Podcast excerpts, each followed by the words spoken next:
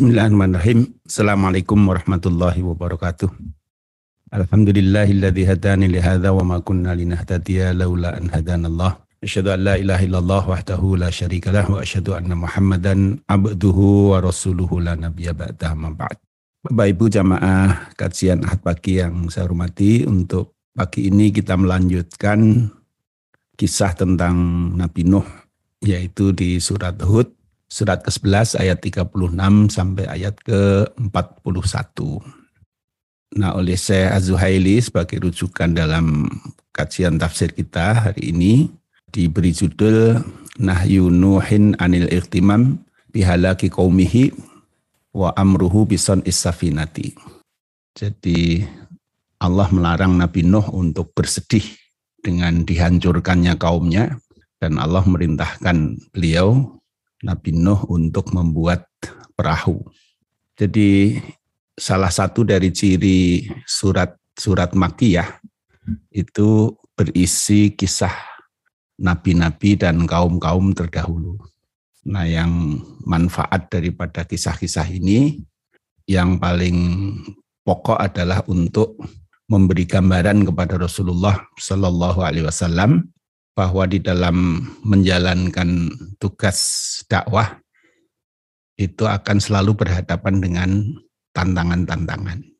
Nah, sehingga dengan diberi oleh Allah kisah-kisah yang pernah dialami oleh para rasul dan para nabi terdahulu, ini akan mengokohkan, menguatkan Rasulullah SAW bahwa yang mengalami tantangan-tantangan seperti itu bukan hanya beliau, tetapi juga para nabi, para rasul sebelumnya.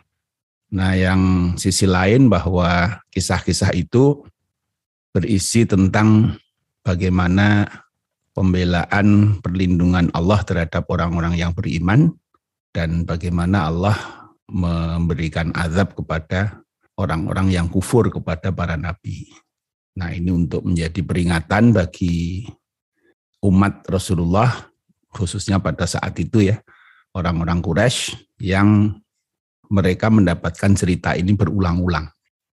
Nah, sedangkan sebagian dari kisah nabi-nabi yang mereka terima, ini bekas-bekasnya itu sering mereka lihat di dalam perjalanan-perjalanan dagang mereka.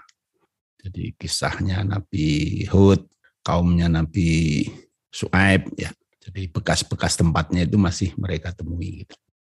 Nah, kita baca untuk pagi hari ini ayat 36 sampai 41.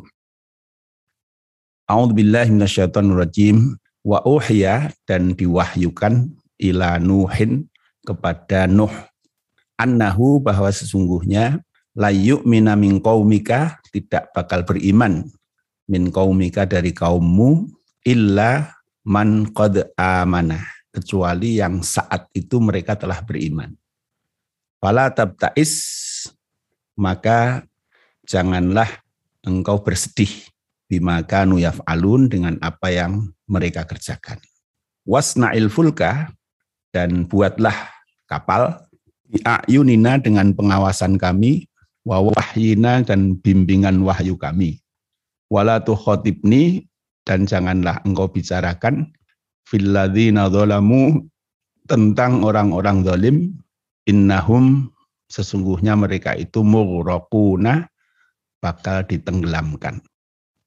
Wayasnaul fulka dan Nabi Nuh memulai membuat kapal itu wa kullama marra alaihi malaun min qaumihi dan ketika lewat melalui Nabi Nuh itu para pembesar dari kaumnya sahiru minhu maka mereka menghina apa yang dilakukan Nabi Nuh itu. Qala berkata Nabi Nuh, intas kharu minna, jika hari ini kalian menghina kami, fa inna naskharu minkum, maka suatu ketika kami akan menghina kalian, kama tashoruna, sebagaimana kalian menghina kami. Fasaufa ta'lamuna, maka kalian bakal mengetahui man ya'tihi adzabun yuhzihi. Siapa yang akan datang kepadanya azab yang akan menghinakan dia wa yahillu alaihi adzabun muqimun dan akan menimpa kepadanya azab yang kekal.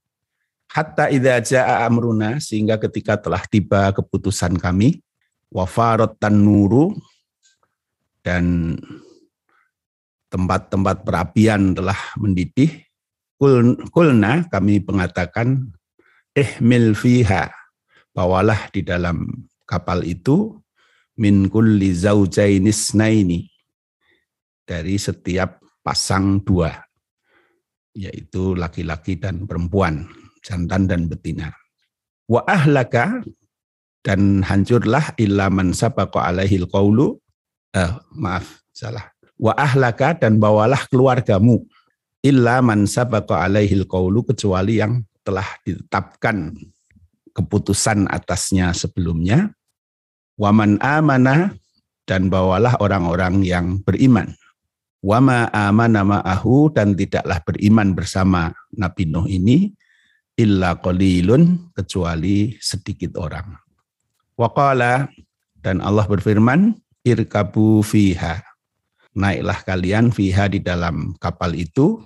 Bismillahi dengan menyebut nama Allah majroha dalam perjalanan kapal itu wa mursaha dan ketika berlabuhnya. Inna Rabbi sesungguhnya Tuhanku laghafurun rahimun sungguh maha pengampun, maha penyayang. Sadaqallahul adzim. Al-munasabah. Konteks ayat ini.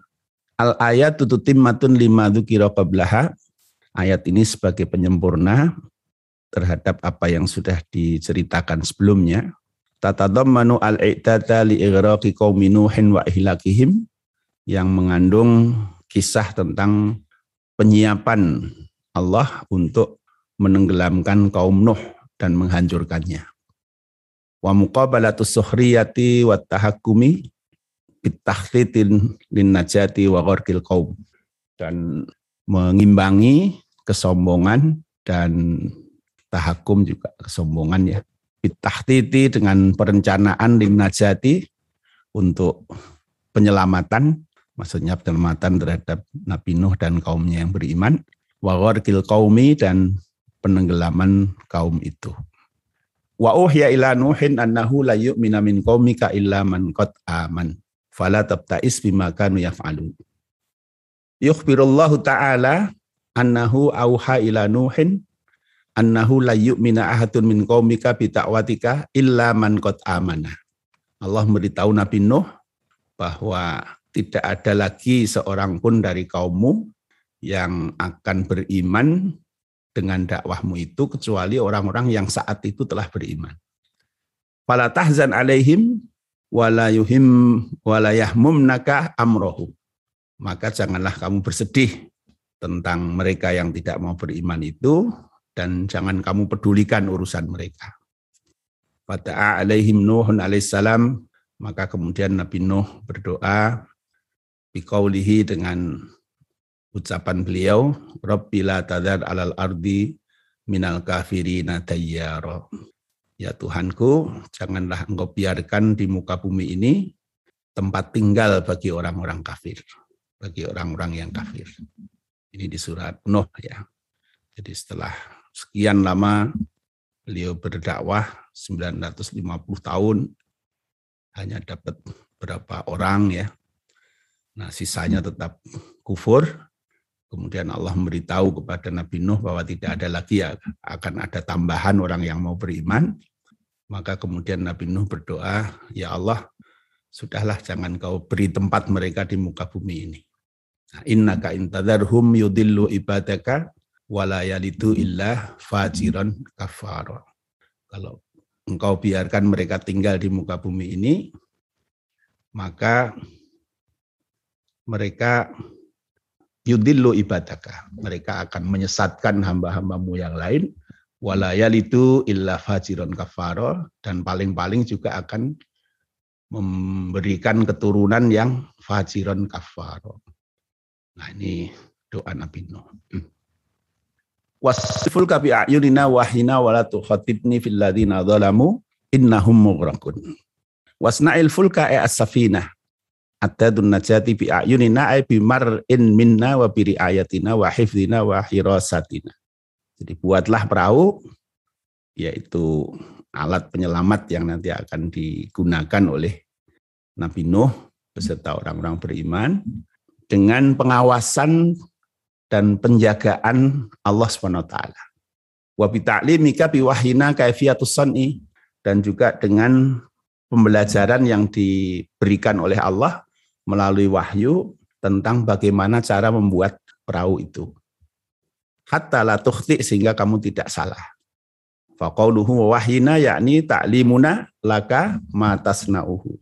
Jadi wahyu Allah maksudnya adalah pengajaran Allah kepada Nabi Nuh tentang apa yang harus dia buat itu. Jadi situ digunakan kata ayun ya. Ayun itu bentuk jamak dari ain. Ainun itu mata ayun.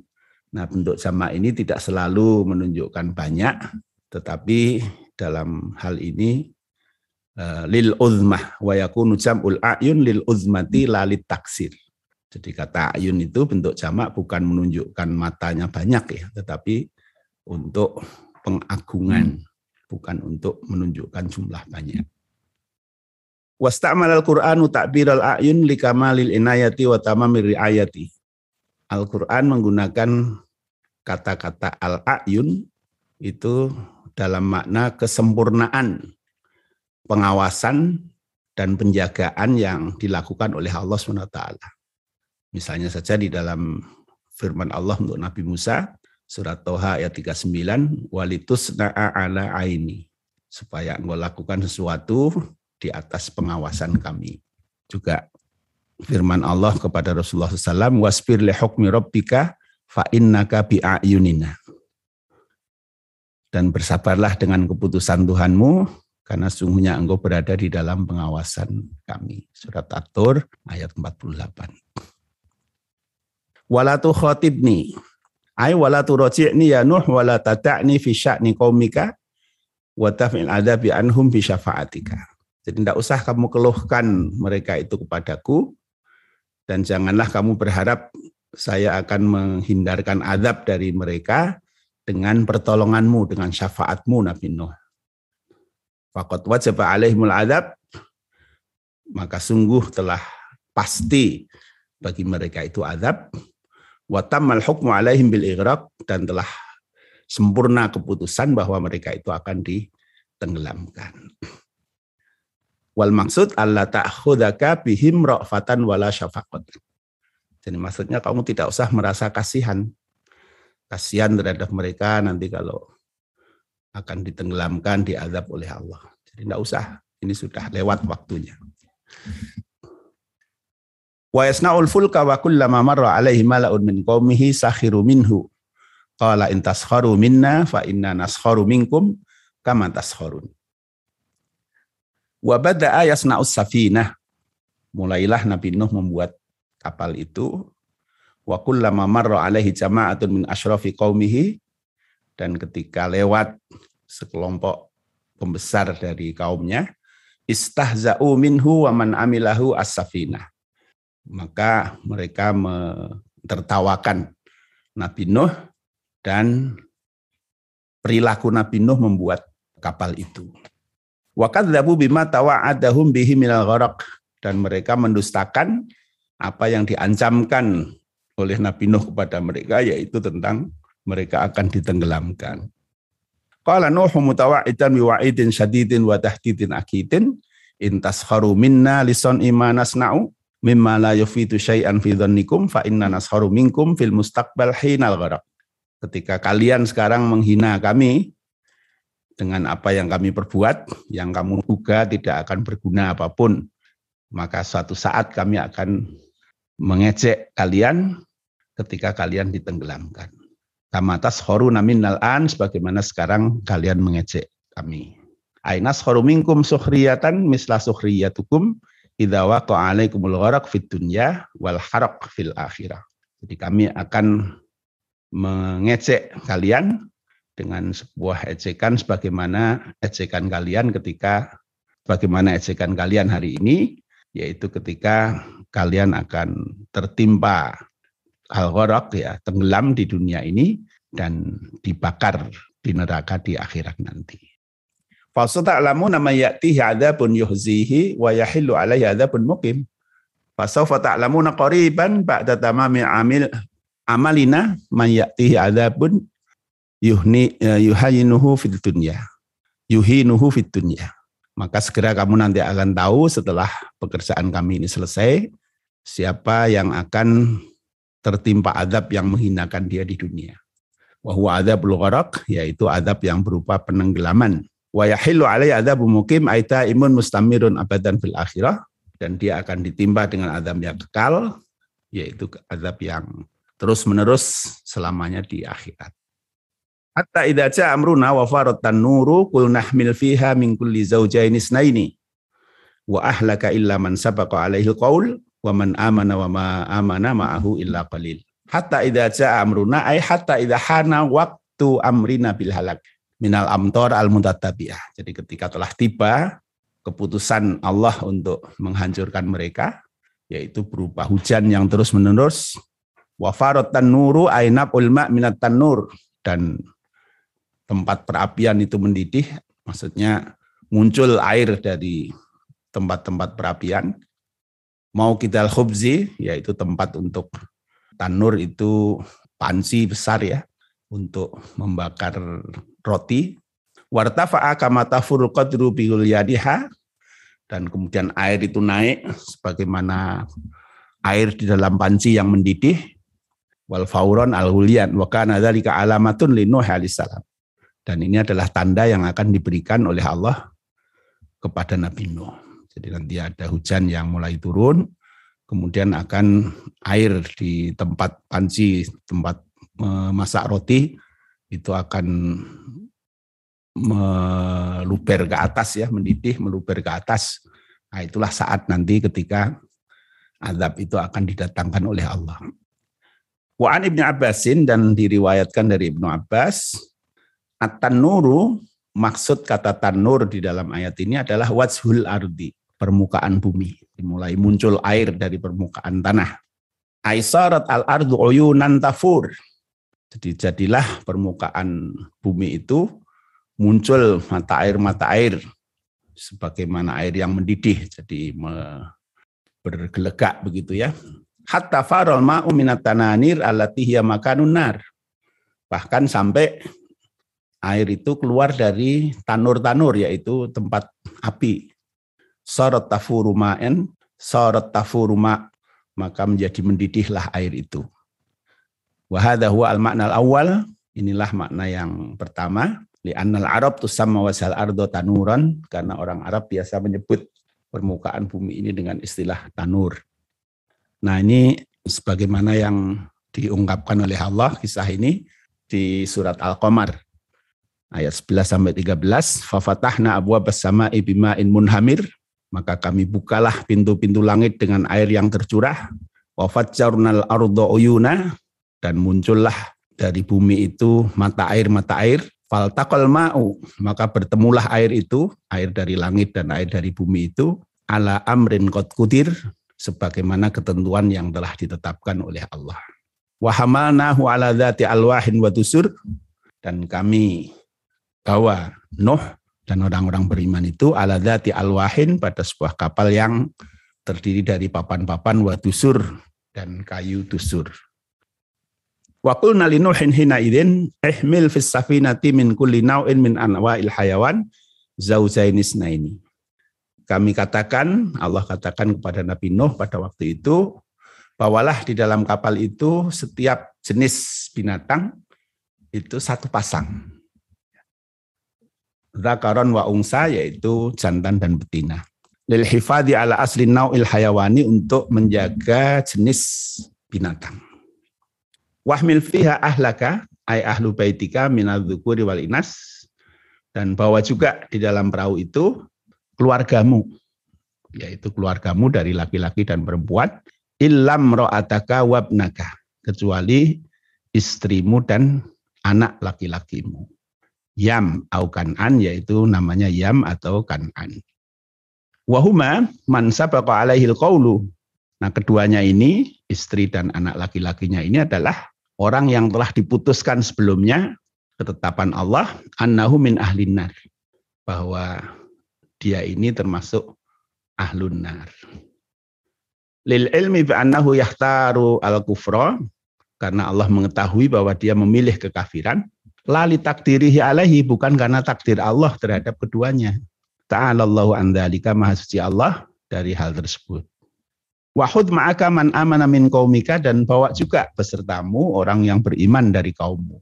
Wa illam yu'min illa adadun qalil. Walaupun tidak ada orang yang beriman kecuali hanya sedikit.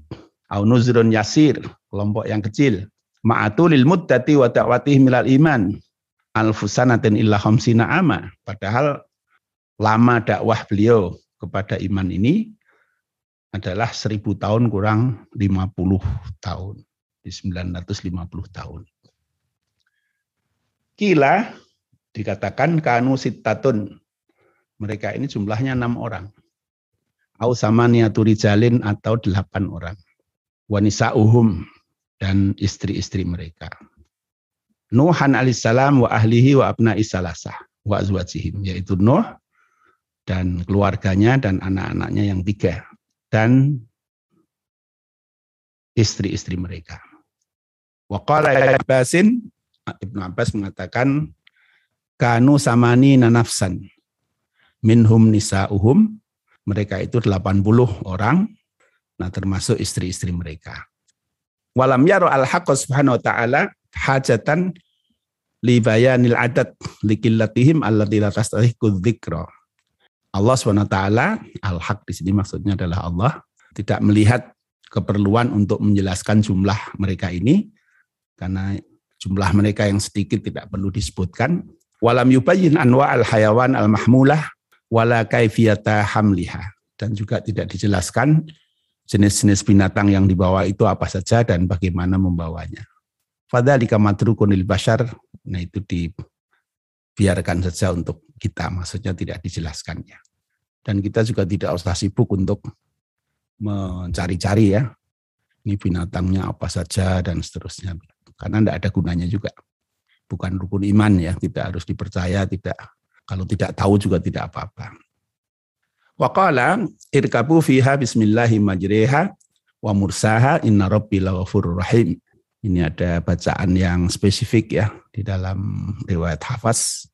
Tulisannya majroha mursaha. Tetapi majroha ini dibaca majriha wa mursaha. Ini namanya imalah ya, kalau dalam istilah tajwid namanya imalah.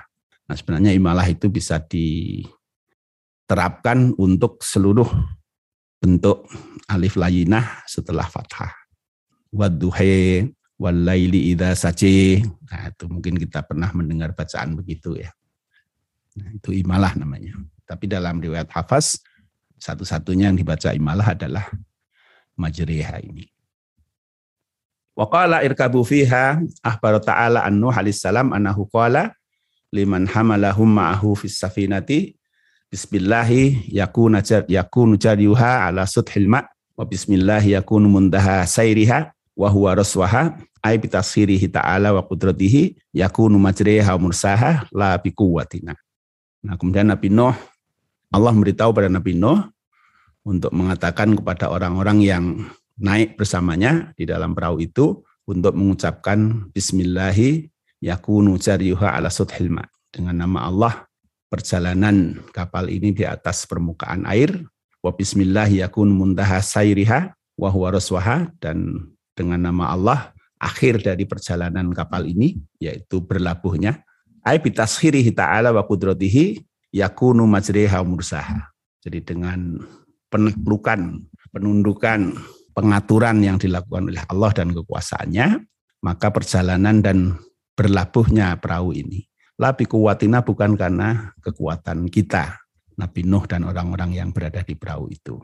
Inna rabbi ghafurun bi ibadihi rahimun bihim. Sesungguhnya Tuhanku maha pengampun terhadap dosa hamba-hambanya, maha penyayang terhadap mereka. Falaula maghfiratahu lidunubikum, falaula maghfiratuhu lidunubikum wa rahmatuhu bikum lama najakum. Kalau bukan karena ampunan Allah terhadap dosa-dosa kalian dan rahmat Allah terhadap kalian, maka Allah tidak akan menyelamatkan kalian. Inna rabbi laghafur rahim aili ahli safina. Jadi inna rabbi laghafur rahim itu untuk para penumpang kapal itu, bukan untuk kaum yang ditenggelamkan ya. Akhraja at-Tabrani an Anil Husain bin Ali radhiyallahu anhu annahu qala. Imam at-Tabrani mengeluarkan sebuah hadis dari Husain bin Ali. Ini sanatnya tidak disebutkan rinci ya, tapi ujungnya saja. Jadi mukharrijnya perawinya adalah Tabrani, kemudian ujung atas sebelum Rasulullah adalah Al Husain bin Ali radhiyallahu anhu bahwa beliau berkata kalau Rasulullah SAW amanun li ummati minal gharaq. Aman bagi umatku dari tenggelam. Idza rokibu al fulka ketika mereka naik perahu, naik kendaraan secara umum ya. Ayakulu bismillahi al malikir rahmanir rahim. Dengan nama Allah yang maha menguasai, yang maha pengasih, maha penyayang. Bismillahi majriha mursaha. Dengan nama Allah perjalanan dan berlabuhnya kendaraan ini inna rabbi laghafurur rahim. Jadi ini doa untuk naik kendaraan. Bismillahirrahmanirrahim. Bismillahirrahmanirrahim. mursaha. Inna rabbi laghafurur rahim. Wa fi riwayatin ukhra li Abil Qasim At-Tabrani an Ibnu Abbasin an Nabi sallallahu qala. Jadi dalam riwayat yang lain dari Tabrani juga, tapi dari Ibnu Abbas, Nabi SAW ngendika amanun ummati minal gharaq idza raqibu fis sufuni ayyaqulu bismillahil malikir rahman wa ma qadarullah qadrihi al ayah bismillahi majriha al ayah. Mirip dengan yang tadi ya. Nah maksud tulisan al ayah ini maksudnya ayatnya supaya diselesaikan ya. Jadi kalau ada misalnya orang ustadz berceramah inna tina indallahil islam al ayah itu maksudnya adalah dan seterusnya sampai akhir ayat itu. Atau misalnya hadis ya, innamal a'malu biniat al hadis. Itu maksudnya ya sampai selesai hadis itu. Nah, di sini juga begitu. Wa ma qadarullah haqqa qadrihi al ayah maksudnya disempurnakan bacanya itu. Nah, ini saya kutipkan dari Az-Zumar 67 ya. Wa ma qadarullah qadrihi wal ardu jami'an qabdatuhu yaumal qiyamah was samawati mutwiyatun biyaminih subhanahu wa ta'ala amma yushrikun. Nah, ini lengkapnya ayat itu. Nah, kalau bismillahi majriha wa mursaha, ini lengkapnya ya. Bismillahi majriha wa mursaha, inna rabbi ghafurun rahim. Nah, artinya wa ma qadarullah qadrihi wal ardu jami'an qabdatuhu ya. Dan di situ bumi itu semuanya berada di dalam genggaman Allah yaumal kiamati pada hari kiamat. Wasamawatu mutwiyatun biyaminihi dan langit akan digulung dengan tangan kanannya. Subhanahu wa ta'ala amma yusyrikun. Maha suci dan maha tinggi Allah dari apa yang mereka sekutukan. Wa dzakara al-maghfirah war rahmah ba'da dzikri ba'da dzikril intiqami minal kafirin bi majma'in huwa fil jumlati sya'nul Qur'an fi bayanil iddat wal mutaqabalat jadi Allah menyebutkan tentang maghfirah dan rahmah setelah menyebutkan tentang kemarahan Allah kepada orang kafir dengan menenggelamkan mereka, ini sebuah bentuk kalimat di dalam Al-Quran yang memiliki makna kontradiktif. Ya. Jadi dibuat perbandingan yang kontradiktif. Nah, ini banyak di dalam Al-Quran begitu, misalnya inna rabbaka lasari'ul iqab wa innahu lawafur rahim. Sesungguhnya Tuhanmu itu maha cepat siksanya, wa innahu laghafur rahim, tapi sesungguhnya dia juga pengampun dan penyayang. Nah tentu masing-masing ada alamatnya ya. Sariul ikob itu untuk siapa, ghafurun rahim itu untuk siapa. Jadi ini kok Allah saling bertentangan bagaimana ini? Katanya ghafurun rahim kok sariul ikob. Nah masing-masing ada alamatnya. Wa qauluhu dan misalnya contoh yang lain, wa inna rabbaka ladzu maghfiratin linnasi ala dzulmihim. Dan sungguhnya Tuhanmu memiliki ampunan bagi manusia atas kedoliman mereka. Wa inna rabbaka lasatidul iqab, tetapi juga Tuhanmu itu maha keras siksanya. Jadi kalau orang yang mau beristighfar kepada Allah atas kedoliman mereka, ya Allah itu dhu magfiratin. Tetapi bagi orang yang mereka terus menerus di dalam kedolimannya, ya Allah itu syadidul iqab. Wa nahwadhalika minal ayatil lati tukirna baina rahmati wal intiqam. Ah, tukrinu baina ar-rahmati wal intiqam.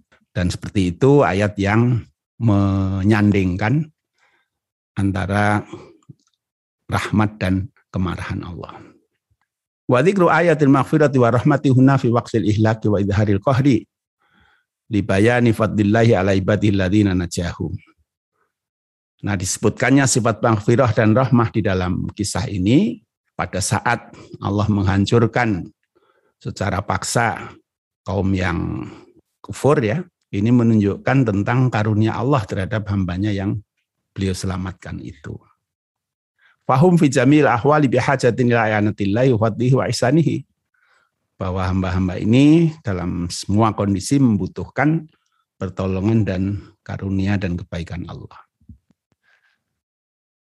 Wal insanu la yanfaku adatan an anwa izzallat wal khataya.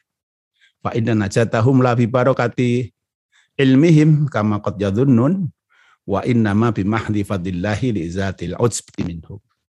Jadi manusia itu tidak pernah lewat secara umum dari berbagai kesalahan.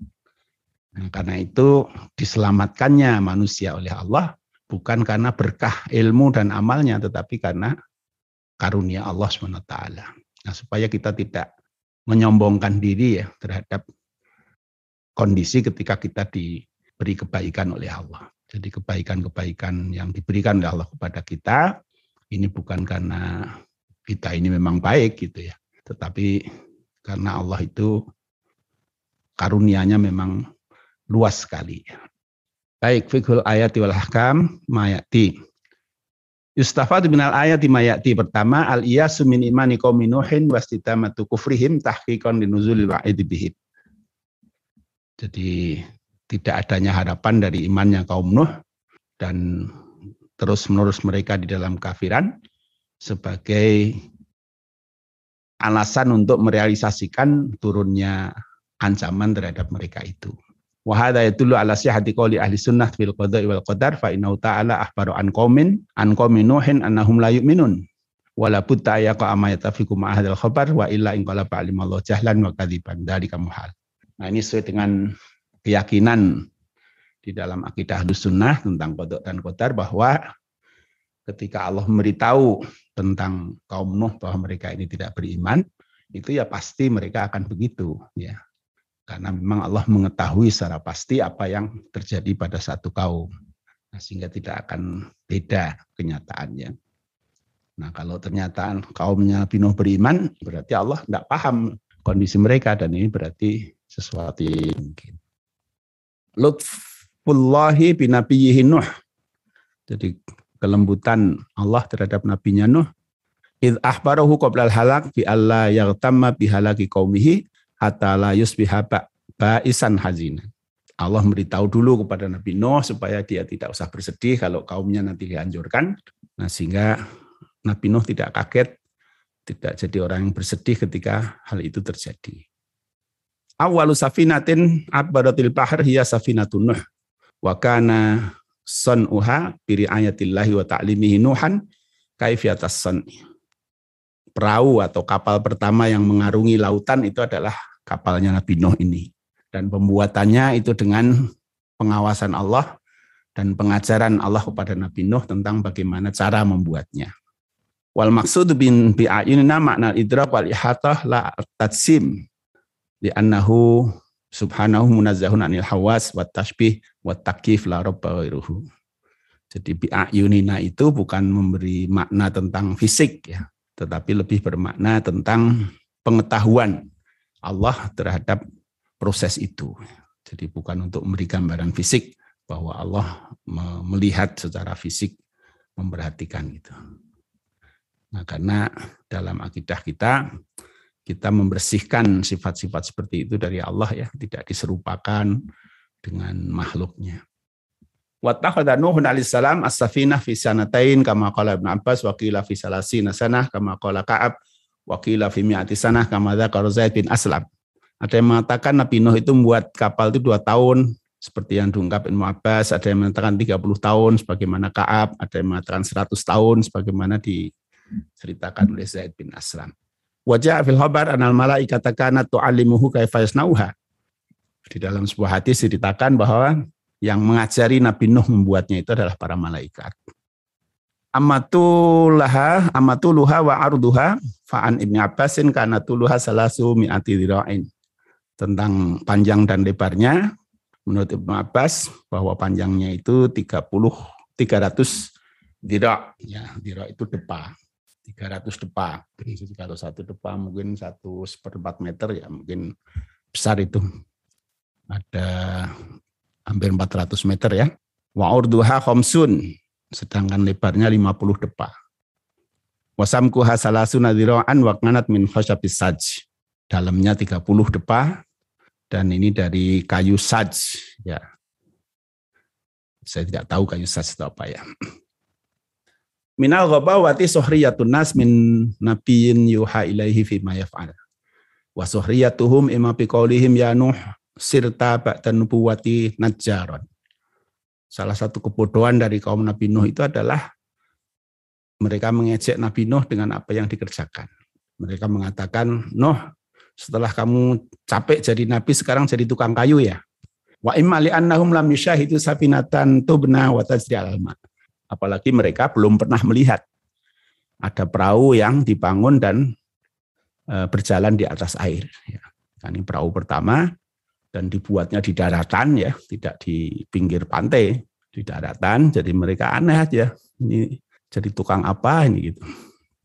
Wasuhriyatunuh kanat dal qarak wal murad bisuryah al istijhal. Ai in tastajhiluna fa inna tastajhilukum kama tastajhiluna. Suhriyah dimaksudnya di situ ya tidak mau tahu lah.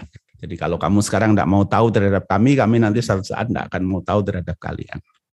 Yang kelima, ma utufan ja'a minas sama fatahna wa basama'i wa fawrat tanur ala wasil ardi kana alamatun. Jadi air badai itu berasal dari hujan, dari langit. Nah, sedangkan mendidihnya eh, panci-panci itu sebagai tanda akan datangnya azab itu. Mir rahmatillahi bi khalqihi najatu Nuh wa man amana ma'ahu min qaumihi. Jadi salah satu dari rahmat Allah terhadap makhluknya adalah diselamatkannya Nuh dan orang-orang yang beriman dari kaumnya. Wahum sama nuna insanan minhum salah satu min banihi. Sam waham wa yafis wa uzatihim. Mereka itu 80 orang. Di antaranya tiga anaknya, yaitu Sam, Ham, dan Yafis. Dan istri-istri mereka. Wa min fadli ta'ala al-hifadu ala asli sarwati wal al-hayawaniyati. Dan salah satu karunia Allah yaitu menjaga induk dari binatang-binatang. Amarallahu Nuhan alaihissalam bi istihabil hayawanat min kulli syai'in zaujainin zakaro uh, zakarun wa unsa. Yaitu dengan diperintahkan Nabi Nuh membawa serta binatang-binatang satu pasang, yaitu laki, uh, jantan dan betina. Terakhir, al ayatu dalilun ala dzikril basmalati inda ibtida'i kulli fi'lin. Ayat ini menunjukkan juga tentang pentingnya mengucap basmalah ketika memulai setiap perbuatan. Terima kasih. Assalamualaikum warahmatullahi wabarakatuh.